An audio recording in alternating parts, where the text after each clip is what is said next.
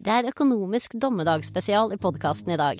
Sentralbanksjef Ida Wolden Bakke har holdt sin årlige tale til den norske samfunnseliten. Tradisjonelt er jo det en anledning sentralbanksjefen bruker til å lyse norsk økonomi bann. Det er stedet for alle bekymringene for at vi bruker for mye oljepenger, jobber for lite, koster for mye og generelt styrer mot undergangen. Mange av de bekymringene sentralbanksjefen pleier å reise disse talene, har sitt utgangspunkt i en stortingsmelding som fylte 50 år denne uka. Vi var på bursdagsfeiring for selve urbekymringsdokumentet, Stortingsmelding 25 1974, Petroleumens plass i det norske samfunnet.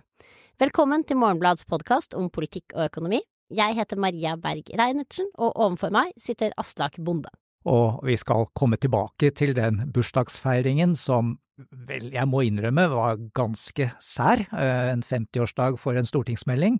Men det kommer vi tilbake til, for vi må, vi må starte litt med Ida Wolden Bakke, eh, sentralbanksjefen, som da eh, vi har lest begge talene hennes, eh, og jeg syns det var for så vidt interessant at hun svarte veldig mye på kritikken om at hun er for opptatt av renta og ikke bryr seg om arbeidsledighet, Eh, men hun sa strengt tatt ikke noe annet enn det hun sier på alle pressekonferanser og i alle intervjuer hvor hun blir spurt om hun ikke legger for stor vekt på renta, om det ikke hadde vært mulig å ha lavere rente.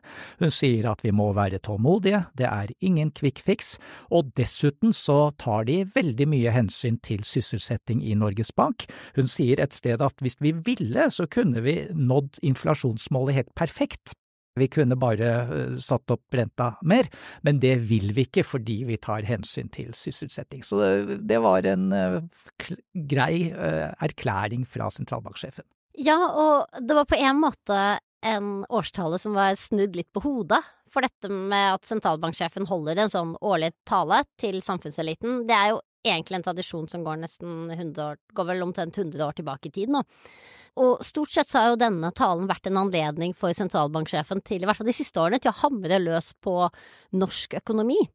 Ikke sant? Og de andre aktørene i norsk økonomi, det er politikere som bruker for mye penger, det er næringsliv som er for ivrig etter subsidier eller for langsomme til å omstille seg, det er storting og regjering, og det er folk som er for lite produktive, ikke sant, så det er, det er på en måte eh, anledningen til å se ut, da, eh, og, og, og, peke på alt det andre som går galt. Men eh, Ida Wolden Bakke, snudde det litt eh, omvendt, hun snakket egentlig ingenting om de andre aktørene i økonomien, hun snakket uh, bare om hvorfor hun gjør som hun gjør med det virkemidlet hun har, nemlig styringsrenten.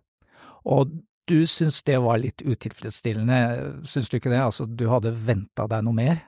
Eh, jeg har blitt vant til å vente meg noe mer, da.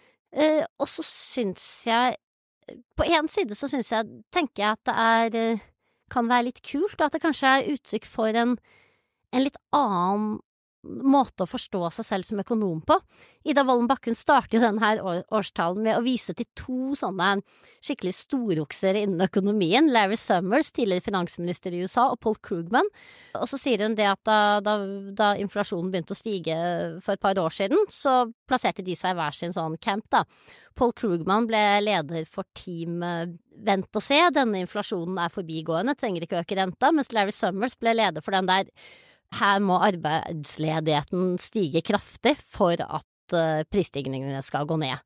Og, og, så påpeker hun at begge to, ingen av disse to hadde egentlig rett, da. Uh, for det som har skjedd, er at inflasjonen har bitt seg litt fast, men arbeidsledigheten har ikke steget kraftig, og nå ser inflasjonen ut til å komme ned igjen, da. Så hun punkterer jo på en måte ganske sånn uh, pent og rolig to karer som har liksom et sånt ja, ego på størrelse med en ballong med den her svære tegneseriefiguren som heter Totoro. og, og det Det tror jeg handler litt om hva slags type økonom hun vil være. Hun vil ikke være en sånn verdensmesterøkonom, hun som sitter og uh, mener noe om alt fra klima til arbeidsmarkedspolitikk. Ja, og er ikke det ganske bra, da? Og jeg synes jo det må være ganske fornuftig i dagens situasjon, hvor det er ganske mye diskusjon om sentralbankens rolle. Så synes jeg jo det er ganske fornuftig av henne å være egentlig veldig snever, ikke på en måte Hun gjør jo litt sånn som vi som lager analyser og ikke vil bli tolka i altfor mange retninger. Hun gir ikke så mye mat til alle de som vil tolke henne i ulike retninger, og, og det kan jo være fornuftig i dagens situasjon. Så jeg må si at jeg, jeg syns det Jeg var kanskje litt mer positivt innstilt enn deg til dette fordi jeg hadde andre forventninger, det må vi si. Ja, da, Som politisk analytiker så er du sikkert fornøyd, da, men jeg som driver og skriver kommentarer, ikke sant, jeg blir jo litt frustrert, og så tenker jeg det at trenger vi egentlig en årstall i det hele tatt? Da trenger vi å gi det her så mye oppmerksomhet, hvis det som skjer egentlig bare er det at hun går og sier akkurat det samme som hun øh, nå har sagt i to år, en gang til, med, med, litt mer sånn øh, stilig belysning og celeber tilhørerskare. Ja, jeg, jeg, ser det. Så la oss heller da gå over til denne bursdagsfeiringen. Ja. det, det, det, var Vi må si det at du Maria, du hadde en spesiell rolle. Du var invitert inn av Finansdepartementet for å holde tale eh, på denne feiringen av 50-årsdagen for oljemeldingen, mm. som det heter. Og, og, det må jeg si at eh, jeg ble veldig bekymra på min kollegas vegne da denne festen løp av gårde, fordi da hadde først historikeren Einar Liv vært der, og så kom du, og dere pekte jo på alt det som ikke står i meldinga, og på alt det som ikke er blitt fulgt opp i denne meldinga. Eh, Einar Lie siterte tidligere sentralbanksjef Hermod Skånland som en gang sa at uh, vi staket omhyggelig ut en retning for så umiddelbart å starte å marsjere i motsatt retning. Og jeg hadde jo trodd oljemeldingen for 50 år siden, det var de ti oljebud som da etablerte dette med nasjonal kontroll over oljen og særskatten for olje, ikke sant, nesten 80% marginalskatt, oljefondet, handlingsregelen. Men ingenting av det kom jo i oljemeldingen i 1974, så det virka på en måte som om en pussig eh, bursdagsfeiring, rett og slett. Ja, At du mener vi krasja festen litt? Ja, faktisk. Men du gjorde jo ikke det, fordi du avsluttet med å snakke om at dette er meldingen hvor bekymringsdiskursen ble etablert.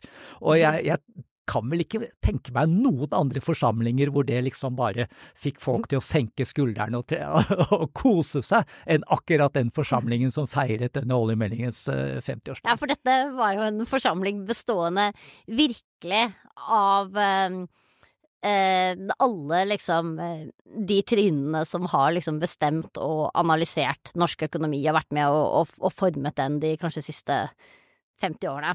Og da må du eh, forklare bekymringsdiskursen. Ja, jeg skal forklare, jeg skal forklare bekymringsdiskursen, for jeg er jo veloppdagen. ikke sant? Når jeg blir invitert til bursdag, så sier jeg jo ikke at bursdagsbarnet liksom ikke er verdt å feire.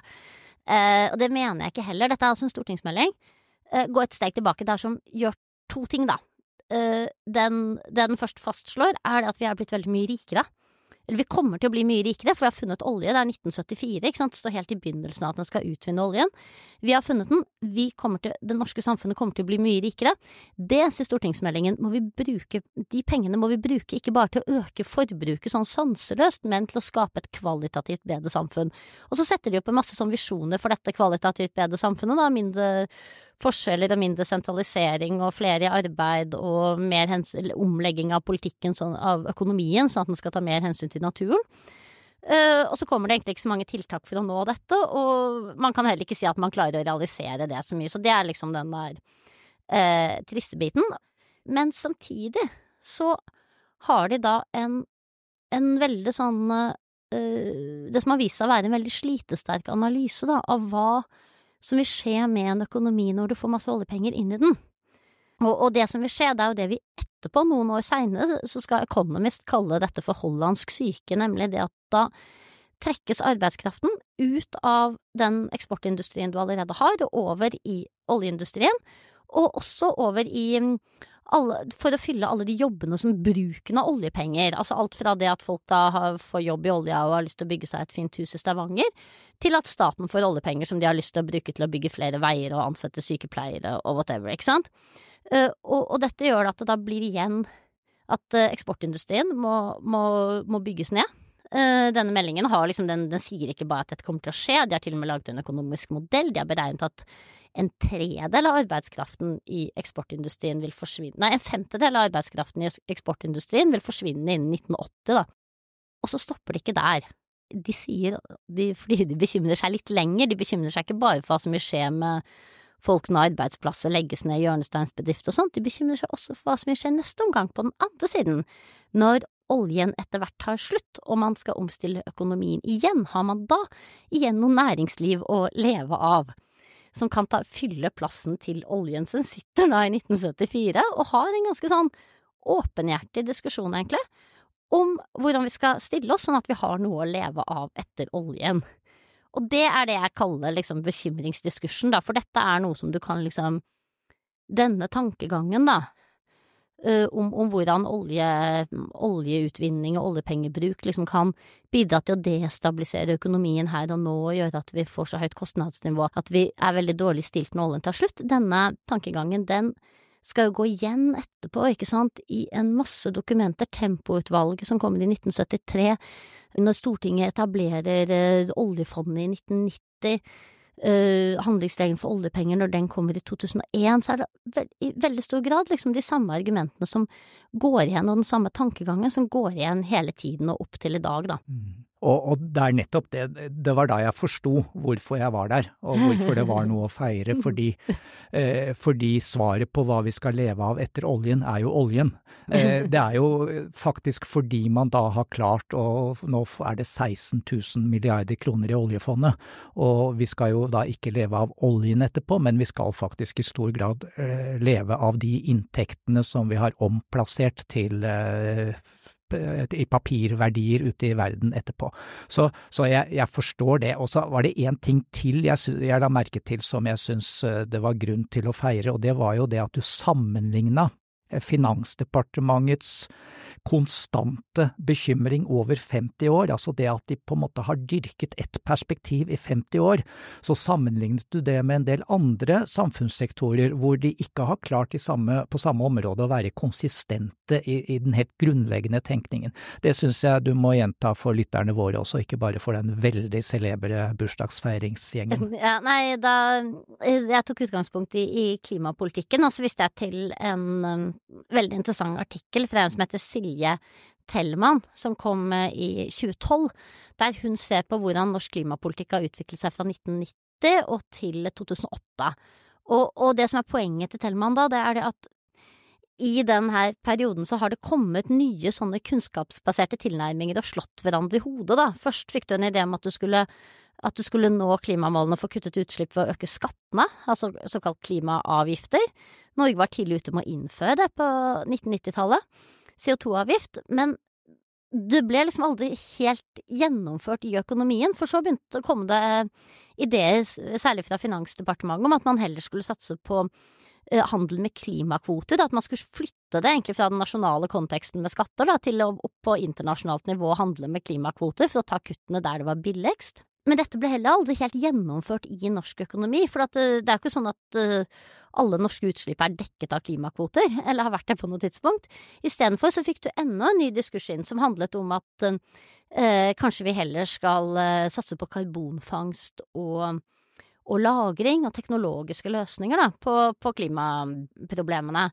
Uh, og, og, alle, og, det er også en diskurs som har gått, men som har gått veldig sakte. Nå, kanskje i år, så får du åpnet det første sånn karbonfangst- og lagringsanlegget i, i Norge. Og da har du endt opp med liksom veldig mange ulike tilnærminger som har slått hverandre litt i hodet, og som har gitt en mulighet da, kanskje for å, for å trenere handlinger som er ubehagelige for politikerne å gjennomføre. Nettopp, ikke sant. Altså, jeg forsto deg sånn at dette gir jo på en måte eh, ryggesløse politikere mye større handlingsrom enn det de har hatt eh, i eh, oljepolitikken. Mm. Og fordi det syns jeg jo er det fascinerende hvordan denne bekymringen eh, er på en måte planta i oss alle, og da mener jeg ikke velgere flest, men alle vi som er eh, synsere og flertallet av politikerne. Ikke sant? Altså hvordan vi har kjøpt hele fortellingen om at vi ikke kan bruke mer enn maks 3% av ø, oljefondet og, eh, eller 3 avkastning av oljefondet hvert år, og at vi hele tiden må tenke på at vi ikke øker etterspørselen for mye for å fortrenge annen virksomhet osv. Det ligger i oss alle, i alle mine kommentatorkolleger, eh, i eh, nesten alle politikere utenom en del Fremskrittspartipolitikere og Rødt-politikere. Og det er jo nesten sånn at jeg stiller spørsmålstegn ved om vi alle er blitt litt for mye smittet av denne bekymringen. Ja, kom igjen. På ja, hvilken altså, måte Nei, det var en som Det var jo så interessant altså Det er jo ikke ofte du er på bursdag og snakker med så mye kompetente folk i pausene, og så var det en som sa til meg at Hva eh, slags bursdager er det du er på? Nei, nei. nei, du sier noe. Eh, beklager der. Men eh, det var en som sa da, 'jeg er hollandsk syke. Altså, det var jo det, de fant masse gass og ødela økonomien. Men det varte bare noen år. Se på Nederlands økonomi nå, det går jo så det suser. Eh, de kom over det ganske fort. Og, og på samme måte, når vi sitter med 16 000 milliarder på bok, ok, kunne vi ikke ta sjansen på å ødelegge økonomien litt, da, og så vet vi at det om vil være mulig eventuelt å ta igjen det på seinere tidspunkt, hvis det skulle gå fullstendig gærent. Og begrunnelsen for å liksom ta litt større sjanser, da, det er jo at det er veldig vanskelig egentlig å forstå for folk at vi ikke kan bruke mer av disse oljepengene. Vi har en haug med udekkede behov i samfunnet. Eh, hvorfor skal det være slik at når vi nå skal ruste opp Forsvaret, som vi helt åpenbart skal, at vi da ikke har råd til noe annet? Eh, Nasjonal transportplan kommer om en måned. Eh, der vet vi allerede at budskapet er at nå må vi satse på gjenbruk i stedet for å bygge nytt, for vi må spare penger. Og, og det er veldig viktig i et politisk system at man har legitimitet, altså at folk forstår hvorfor politikerne gjør som de gjør. Og det jeg sitter satt og lurte litt på, da, det er om gapet mellom den bekymringen, den derre Ludvig i Flåklypas holdningen som alle vi har, er etter hvert i ferd med å bli for annerledes fra den oppfatningen vanlige folk har av hvordan disse oljepengene kan brukes. Og det kan i så fall forklare noe av den dårlige stemningen mellom dagens regjering og, eh, og, og det som skulle være velgerne deres. Altså, jeg syns det du ser er kjempeinteressant. Jeg tenker, vi har vel snakket om det før også, tror jeg, det der hvordan handlingsregelen for bruk av oljepenger, som jo kommer 27 år etter denne meldingen, men er liksom den direkte arvtakeren og egentlig liksom Nytestamentet, da. Eh, legemliggjørelsen av det som er lovet i Gamle testamentet, som er denne meldingen, ikke sant. Eh, det den gjør, er jo det at den, den, den liksom setter bekymringen for oljepengebruk foran alle andre bekymringer, ikke sant, enten det er sikkerhetspolitikk eller det er øh, hensynet til, til, omlegging til et øh, lavutslippssamfunn, ikke sant, sånne, sånne, store ting som man kunne tenkt seg at gjorde at man at man brøt, liksom, at, at man brukte ekstra mye penger, ikke sant, så det er jeg øh, Jeg er enig der, men samtidig så er det jo et eller annet med at Du nevnte Ludvig, ikke sant? Eh, for det er jo ikke helt sånn at denne eh, bekymringsdiskursen har ført til at vi ikke har brukt mye oljepenger heller. Det er jo litt eh, Altså, Ludvig, det er denne filmen, ikke sant, Flåklypa Grand Prix, der Reodor Felgen, en oppfinner, han bygger da en, en racerbil, og han får hjelp av et, av, av et par dyr, blant annet, og en, penger fra en arabisk oljesjeik. Eh, og så Et av disse dyra er da et litt bekymra pinnsvin som heter Ludvig, som hele tiden står og sier det er farlig, da. Uh, og Ludvig er veldig redd for denne racerbilen, men allikevel, midt i billøpet, så skal han, fordi han er tekniker, da, liksom fikse noe, noe som er i stykket på racerbilen, Il Tempo Gigante, og så klarer han å fikse det så bra at racerbilen liksom bråstarter igjen. Og Ludvig blir med på ferden, og du kan se han liksom, han kjører rundt og rundt og rundt og rundt på denne banen, ikke sant. Han er livredd. Sitter der sammen med Reodor felgen, ikke sant, og det er eh, å ha ikke kontroll i det hele tatt. Og på en måte så er jo dette også bildet på Finansdepartementet, ikke sant. De har jo gått rundt siden 1974 og sagt liksom oljepengebruk, det er farlig, da. Men i praksis så har de jo etter at handlingsregelen kom, da, nettopp fordi, som du sier, ikke sant, Handlingsregelen sier at du skal bruke 3 av oljefondet. Oljefondet har vokst nok enormt, og derfor har jo oljepengebruken også vokst mye, mye mer enn en så for seg, og opp mot det så har ikke Finansdepartementet hatt så mye annet å gjøre enn å sitte og si at det er farlig, da. Uh, så man kan jo spørre liksom hvor, hvor mye man egentlig lyktes i å uh, Man har lyktes i å spare oljepenger, men man har ikke helt lyktes i å begrense oljepengebruk heller, da. Og, og, det du også, og der kan vi jo faktisk minne om at i forrige uke så kom det en uttalelse fra regjeringens finanspolitiske råd, eh, og de pekte jo lite grann på hvor mye oljepenger som er blitt brukt, men ikke i seg selv, men de pekte på at da vi bestemte oss for å bruke oljepenger eh, i 2001, så eh, hadde vi et mål om at de skulle brukes litt til skattelette, litt til infrastruktur og, og utdannelse. Eh, men at vi ikke skulle blåse opp offentlig sektor. Og så peker dette Finanspolitisk råd på at det er jo overhodet ikke blitt fulgt. Altså vi har jo ikke gitt noen skattelettelser i det hele tatt, og vi har, eh, vi har riktignok satset litt på veier eh, og bygninger, men veldig mye av oljepengene har bare brukt til å blåse opp utgiftene i offentlig sektor, og gitt oss en veldig stor offentlig sektor. Og det kan man jo mene hva man vil om, altså det er ulik politiske holdninger til det, men, men, det viktige for Finanspolitisk råd var å påpeke at dette har jo skjedd uten at det er blitt diskutert. Mm. Og, og, det er jo nettopp litt for, på grunn av, tror jeg, denne bekymringsdiskursen, ikke sant. Altså man har bare lullet seg inn i forestillingen om at det eneste som betyr noe er akkurat hvor mye penger vi bruker, og så har man ikke diskutert mer på en måte hvordan vi bruker det, fordi det lå litt utenfor, mm, og, rett og slett. Og, der tenker jeg vi kanskje vender litt tilbake til Ida Wolden Bakkes tale, da, fordi det handler jo også om hva er det egentlig økonomer skal bry seg om? Hvis, hvis målet for, for liksom økonomivitenskapen, økonomipraksisen i Finansdepartementet, ikke sant, er å, å sørge for en, en god velstandsutvikling i, i samfunnet, da Eh, som jo liksom man kan tenke at er det, er det ultimate målet, og, holder det da å, å bare stirre så liksom eh, snevert på de, de, økonomiske variablene. Man kan si at det holder, og så lar man det være opp til andre å liksom løse andre samfunnsproblemer, men jeg tror jo kanskje den her Det som på en måte er en stor, en, en, liksom en, stor blindflekk i hele denne bekymringsdiskursen, det er jo, eller i hvert fall i den stortingsmeldingen fra 1974, det er jo hva vi skal gjøre med alle de oljepengene vi ikke skal bruke.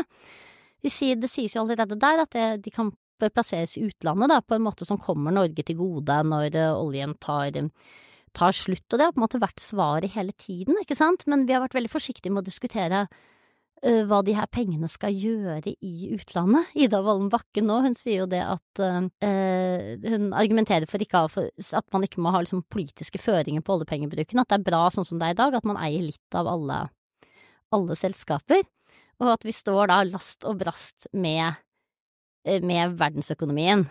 Uh, og det kan du si er en ganske presis beskrivelse av, av hva et lite land gjør, men samtidig så er det jo ikke en sånn veldig sånn erkjennelse av at vi som en av verdens virkelig store investorer, vi, vi, stod, vi er jo kanskje en aktør også.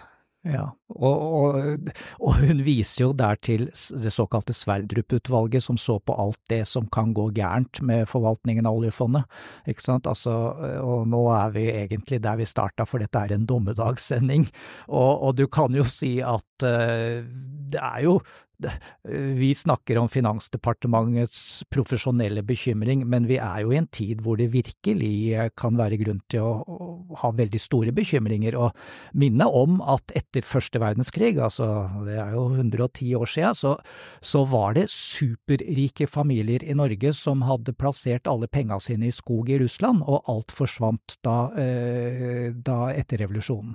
Og, og du kan se for deg veldig mange scenarioer nå om at uh, ikke det Nicolai Tangen sier er problemet med at aksjeverdiene faller, men at aksjene blir nulla, at obligasjonene blir fjerna. Og da kan du jo si at det er mye bedre å bruke penga med en gang. Uh, skal, vi, skal, vi, slutte der? Ja, vi gjør det. ja. Vil ikke akkurat brukt jorden, men. Og da er det på tide bare å minne om at hvis du er uenig i det siste vi sa nå, så er det bare å sende en e-post til oss. Vi har fått vår egen konto som heter politikk og økonomi uh, at morgenbladet.no. Og så takker vi ansvarlig redaktør Sunn Heidi Sebø og produsent Emma Johnsen Rødli.